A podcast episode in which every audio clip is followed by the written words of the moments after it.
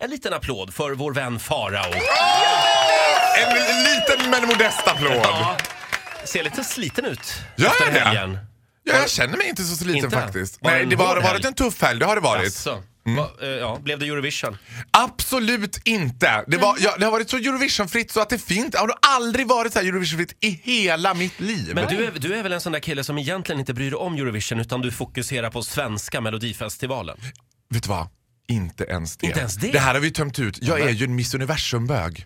Jag är ju galen i Miss Universum. Du skiter i vem går Jag det i Miss skiter blanka Universum fan då? i Eurovision. Ja, nu, för Sverige går det sådär. Det var ju senast 95 som vi kom bland topp 10 med Victoria Lagerström från Stockholm.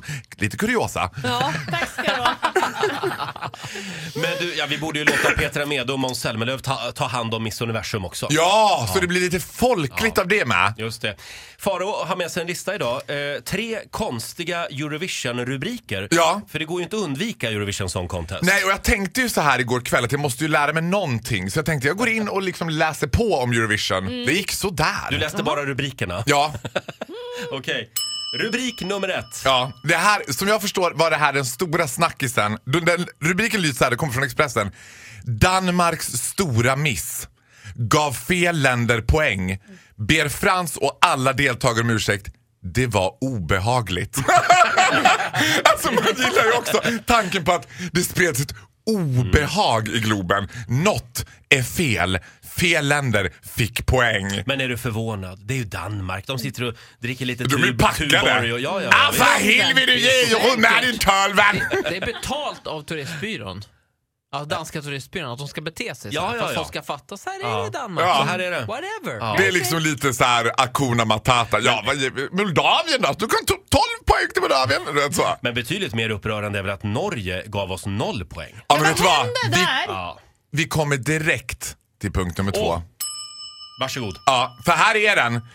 Ilskan mot Norge efter fransdissen. Ja. Fansen, nu hotar de. Vi kommer aldrig mer åka dit. Hela Norges turistnäring bara nej! Vad fan helvete! Ja, men fan, Jag det kan inte är ju härma med något. deras arbetsnäring. Alltså, vi är ju, jobbar ju i Norge. Alltså sjuksköterskor, kafépersonal, Mm. servitriser. Ja, men vet du vad Ola? Nu är det nog. Ja. Nu är det nog med den saken. Vi må icke längre jobba i varken kaféer eller restauranger i De ska Norge. vara snälla mot oss. Det här var en indirekt krigsförklaring mot Sverige tror jag. När de bara, Obehagligt är det. nej, vi ger honom icke några poäng alls. Nej. Och Eller jag åtta. tänkte för mig själv så här, kan det inte bara vara så att det kanske inte riktigt var så bra låt? Bara, I Det don't var ju know. en bra låt, han kom i femma. Ja. Det är Ja men bra det gör, vet du vad? Så, här, l- så mycket kan ju Eurovision så att det är kutym att värdlandet alltid kommer i topp fem. Så att Ah. komma femma det är alltså sämsta placeringen möjligt för ett värdland. Älskar låten. Ja Men absolut. alltså som brödranation, och, och vill man skicka en markering kan man ge en åtta. Man ger inte en nolla. Nej, det gör man Nej, det gör inte. man Nej, men jag tycker att det är hellre att man ger en nolla än att man ger en fyra. Du vet, en fyra till Sverige, det gör man det för att det är så här lite trevligt. Mm. Men Nolla du är sa Mm. bara, Ola en åtta. ja det är sant men jag sa en fyra. Ja. Nu går vi vidare säger Ja, det tycker jag också Eh, vi gör. Rubrik nummer tre. Här var den som jag fastnade mest för. Även här har Expressen tagit till orda. Beredd på burop. Kollapsade Rysslands katastrof. Oj. Och då tänkte, Ryssland var ju segertippat så jag trodde ju själv att Ryssland skulle vinna. Ukraina hade vunnit. Jag tänkte same same but different. Liksom. Det får man ju absolut inte säga varken till Ryssland eller Ukraina. Men, ja. eh, och då var det så här, beredd på burop. Kollapsade Rysslands katastrof. Då tänkte jag, men allt måste ha gått åt fanders. Det bara gick helt åt helskotta för Ryssland. Han kollapsade. Han var så nervös inför alla burop så han kollapsade på scen. När man läser rubriken så förstår man att för tre år sedan så kollapsade Sergej när han var lite trött på en spelning i Sankt Petersburg. Nu har han behandlats med ammoniak så nu mår han bra. Vadå, var det där tre år sedan alltså? Ja, det var tre år sedan. Men det är så man gör, man, man får gräva lite i stoftet. Sen eh, som en liten bubblare har jag Aftonbladets den obligatoriska färdigtryckta rubriken till alla Eurovisions. Svenska folkets ilska, fel låt vann. Ja, där kom Kel den. Separis, Kel Ja, men Separis. det är lite synd om han nu, ryssen. Sergej. Det tycker jag faktiskt. Är det? Ja. Varför är det synd om honom? varför för? då? ja, men... Åh.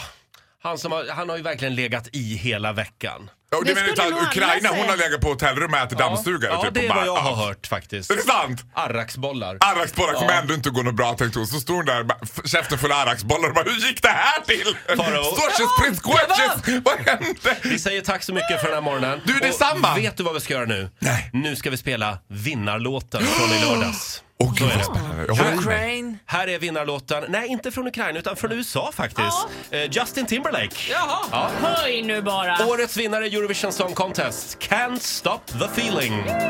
I got this feeling inside my bones. Energy.